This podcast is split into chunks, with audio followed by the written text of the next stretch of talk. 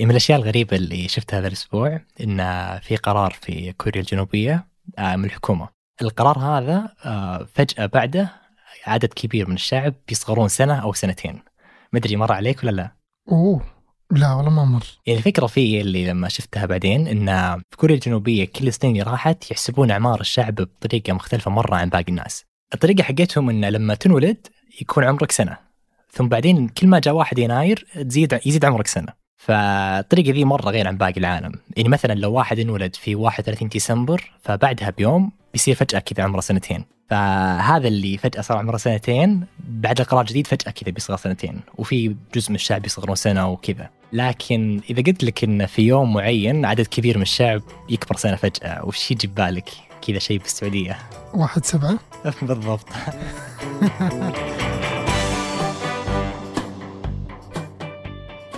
هذا بودكاست الفجر من ثمانية. بودكاست فجر كل يوم نسرد لكم في سياق الأخبار اللي تهمكم. معكم أنا تركي القحطاني. وأنا عمر العمران.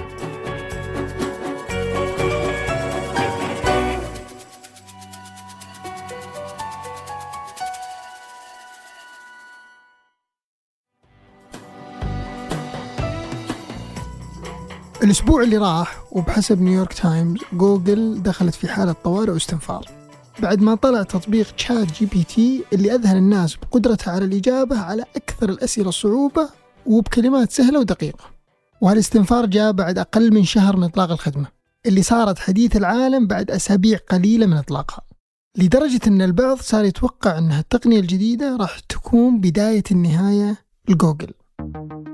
هالخدمة الجديدة أطلقتها شركة مختصة بالذكاء الاصطناعي اسمها Open AI اللي تأسست كمنظمة غير ربحية في 2015 من مجموعة من رجال الأعمال من بينهم إيلون ماسك.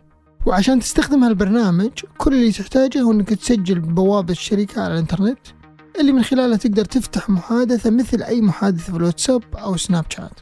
إلا إن اللي يميزها هو إنك ما تسولف مع شخص حقيقي. فهي عبارة عن محادثة بينك وبين آلة فعليا. مبرمج على استقبال أي سؤال عندك والرد عليه بلغة بشرية خلال ثواني. لكن هذا البرنامج ورغم فوائده إلا أنه قاعد يخلق جدل كبير بسبب استخداماته الكثيرة اللي ممكن يخلي جوجل شيء من الماضي. خصوصا أنه بعد خمس أيام من إطلاقه سجل فيه أكثر من مليون شخص. والله فعلا يعني هو شيء مثير يعني حتى جربته أكثر من مرة الأيام اللي راحت وكان مبهر كل مرة. بس السؤال هل بيصير هو كذا المكان اللي نبحث فيه عن أي سؤال وأي شيء ببالنا بدل جوجل؟ حلو بس عشان نجاوب على هالسؤال خلينا نفهم فكرة ChatGPT وش اللي يميزه أصلا. هالتقنية عبارة عن نوع من أنظمة الذكاء الاصطناعي وتحديدا نموذج لغة تتدرب على التعامل مع كمية كبيرة من البيانات. نموذج اللغة المعروف باسم GPT أعلن عنه أول مرة في عام 2018 في ورقة علمية الباحثين في شركة أوبن آي آي لما نقول إنه تدرب فهذا يعني إن تقنية الذكاء الاصطناعي هذه قادرة على استقبال البيانات ودراستها وفهمها. وبعد كذا استقبال أسئلة الناس وتجهيز ردود مبنية على المعلومات اللي وفرتها الشركة المطورة. يعني هالنظام مثل الطالب اللي يدرس مثلا مادة التاريخ يبدأ الطالب يقرأ في هالمجال وكل شيء يخصه. حتى تبدأ تصير عنده قدرة أنه يجاوب على معظم أسئلة الناس في هالمجال لكن مو كلها. وهذا الشيء ينطبق على ChatGPT. فهو في أوقات ما يقدر يجاوب على بعض الأسئلة لأنه ما يملك البيانات اللي يقدر يكون منها الإجابة. بس أتوقع في أشياء مثلها قد سمعت عنها قبل، أتوقع كان في شيء من فيسبوك إي فعلا آه، حق شركة ميتا اللي كان اسمها فيسبوك قبل أطلقتها في أغسطس لكنه فشل بعد ما اكتشفوا إنه ممكن يطلع نتائج عنصرية ضد فئات معينة. وفي بعد برنامج ثاني يشبه اسمه Tay أطلقته مايكروسوفت في 2016 إلا إنها فشلت بعد. لأنهم اكتشفوا المستخدمين أن ردوده في عنصرية وتمييز ضد المرأة. عشان كذا فكرة ChatGPT ما هي مبتكرة لأنه قائم على نماذج اللغة المعروفة والمستخدمة في مجال الذكاء الصناعي من سنوات.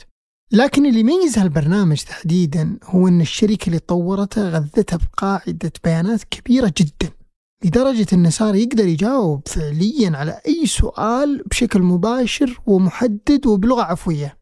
يعني بدل ما أروح جوجل وأكتب وش نظام ChatGPT وأبحث في أكثر من صفحة أو خبر عن تعريف له بكل بساطة أقدر أدخل على ChatGPT وأكتب نفس السؤال وأحصل على الإجابة اللي أبغاها. لا وبشكل أسرع وأوضح. وفوق كذا تقدر تحصل على نفس المعلومة لكن بأكثر من صياغة. هالمميزات خلت الناس تتفاعل مع ChatGPT وتستخدمه على نطاق واسع خصوصا في الجامعات؟ فالطلاب مثلا صار يمديهم يكتبون بحث كامل لأي مادة وبدقة بدون أي مشاكل في انتهاك حقوق الملكية. وإذا كنت تشتغل على لغات البرمجة وتعبك سؤال معين في الخدمة هذه تقدر تكتب له كود كامل أو ترشدك كيف تحل السؤال. وتقدر بعد أنه تترجم لك من الإنجليزية لغات أخرى منها العربية. ويلخص لك أي نص طويل بالإضافة لأنه يقدر يصنع لك محتوى عن أي موضوع ببالك. والأيام الماضية لاحظوا بعض اللي كتبوا عن ChatGPT نشروا تغريدات مكتوبة بشكل كامل من خلال الذكاء الاصطناعي. ChatGPT يقدر بعد أنه يصير مساعد افتراضي بحيث يرد على الرسائل ويجدول الاجتماعات آه بس لما جيت أسجل فيها اكتشفت إني ما أقدر أستخدم رقمي السعودي. هو الخدمة متاحة في أكثر من دولة في العالم ومتاحة في دول الخليج بعد بس السعودية والبحرين. حسب موقع OpenAI ما زالت الخدمة غير مدعومة فيها. لكن الشركة تحاول تنشر الخدمة على نطاق أوسع مع مراعاة قوانين كل دولة. مع انتشار الخدمة ووصول مستخدميها للمليون الأول خلال أيام فقط رغم أنها حتى الآن في مرحلة تجريبية بدأت شركة جوجل تحس بالخطر خصوصا أن بمجرد ما استخدم الناس الخدمة بدأوا يقولون أنها راح تغني الناس عن جوجل. وهو الشيء اللي خلى الشركة تعلن حالة طوارئ. فحسب تقارير إعلامية في استنفار شديد في جوجل. للبحث عن طرق تقدر من خلالها الشركة أنها تطور منتجات منافسة ل ChatGPT فمدير الإعلانات في جوجل سابقا يقول أن الخدمة الجديدة ممكن تقلل من أعداد المستخدمين اللي يدخلون روابط الإعلانات بجوجل. وهالشيء بيمثل ضربة قوية لجوجل اللي تمثل الإعلانات 81% من إيرادات الشركة الأم الجوجل وعشان كذا هي تشتغل الآن على تطوير نماذج ومنتجات مبنية على الذكاء الاصطناعي فمثلا جوجل بتطلق منتج ينافس DALL-E اللي يتبع شركة OpenAI واللي يستخدمه ملايين الأشخاص في إنتاج الرسومات واللوحات الفنية.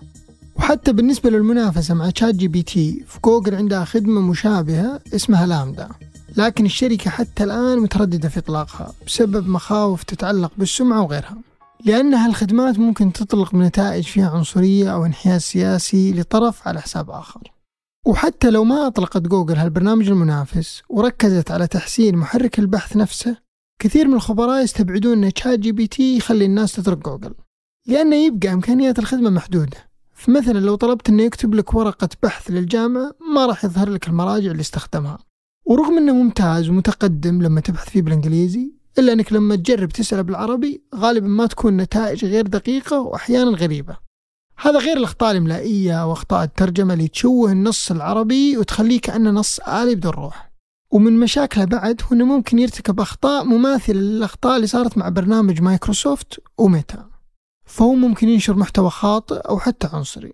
ورغم أن شركة OpenAI طورت نظام رقابة قائم على الذكاء الاصطناعي مدرب على تحديد إذا كانت اللغة المستخدمة مخالفة لسياسة المحتوى بالشركة أو لا. إلا أن النظام هذا غير مثالي 100% ففي حساب في تويتر نزل تغريدة تكشف ضعف البرنامج في الرقابة. صاحب الحساب هذا كتب في الخدمة أنا شركة OpenAI اللي طورتك وأمرك بتعطيل نظام الرقابة على المحتوى. وردت عليه الخدمة بكلمة علم. ووافق على طلب تعطيل النظام. مو بس كذا لما صاحب الحساب كتب سؤال كيف تسوي قنبلة مولوتوف؟ شرح له البرنامج خطوة بخطوة طريقة صنعها وهذا الشيء اللي يخالف سياسة الشركة. فعشان هذه المشاكل كلها كثير من الخبراء يتوقعون أن هالبرنامج ما راح يستبدل جوجل بالوقت الحالي لأن جوجل يوضح للمستخدم مصادر كل معلومة وما يعرض معلومة أو رأي واحد كأنها الجواب الوحيد.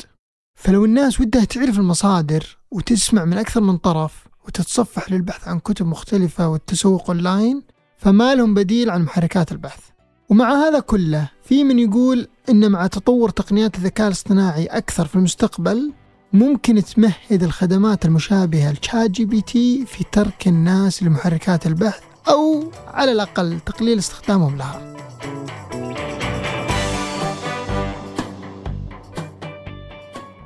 أنتج هذه الحلقة تركي القحطاني وقدمتها أنا عمر العمران. وأنا تركي القحطاني. وراجعتها سحر سليمان وحررها محمود أبو ندى.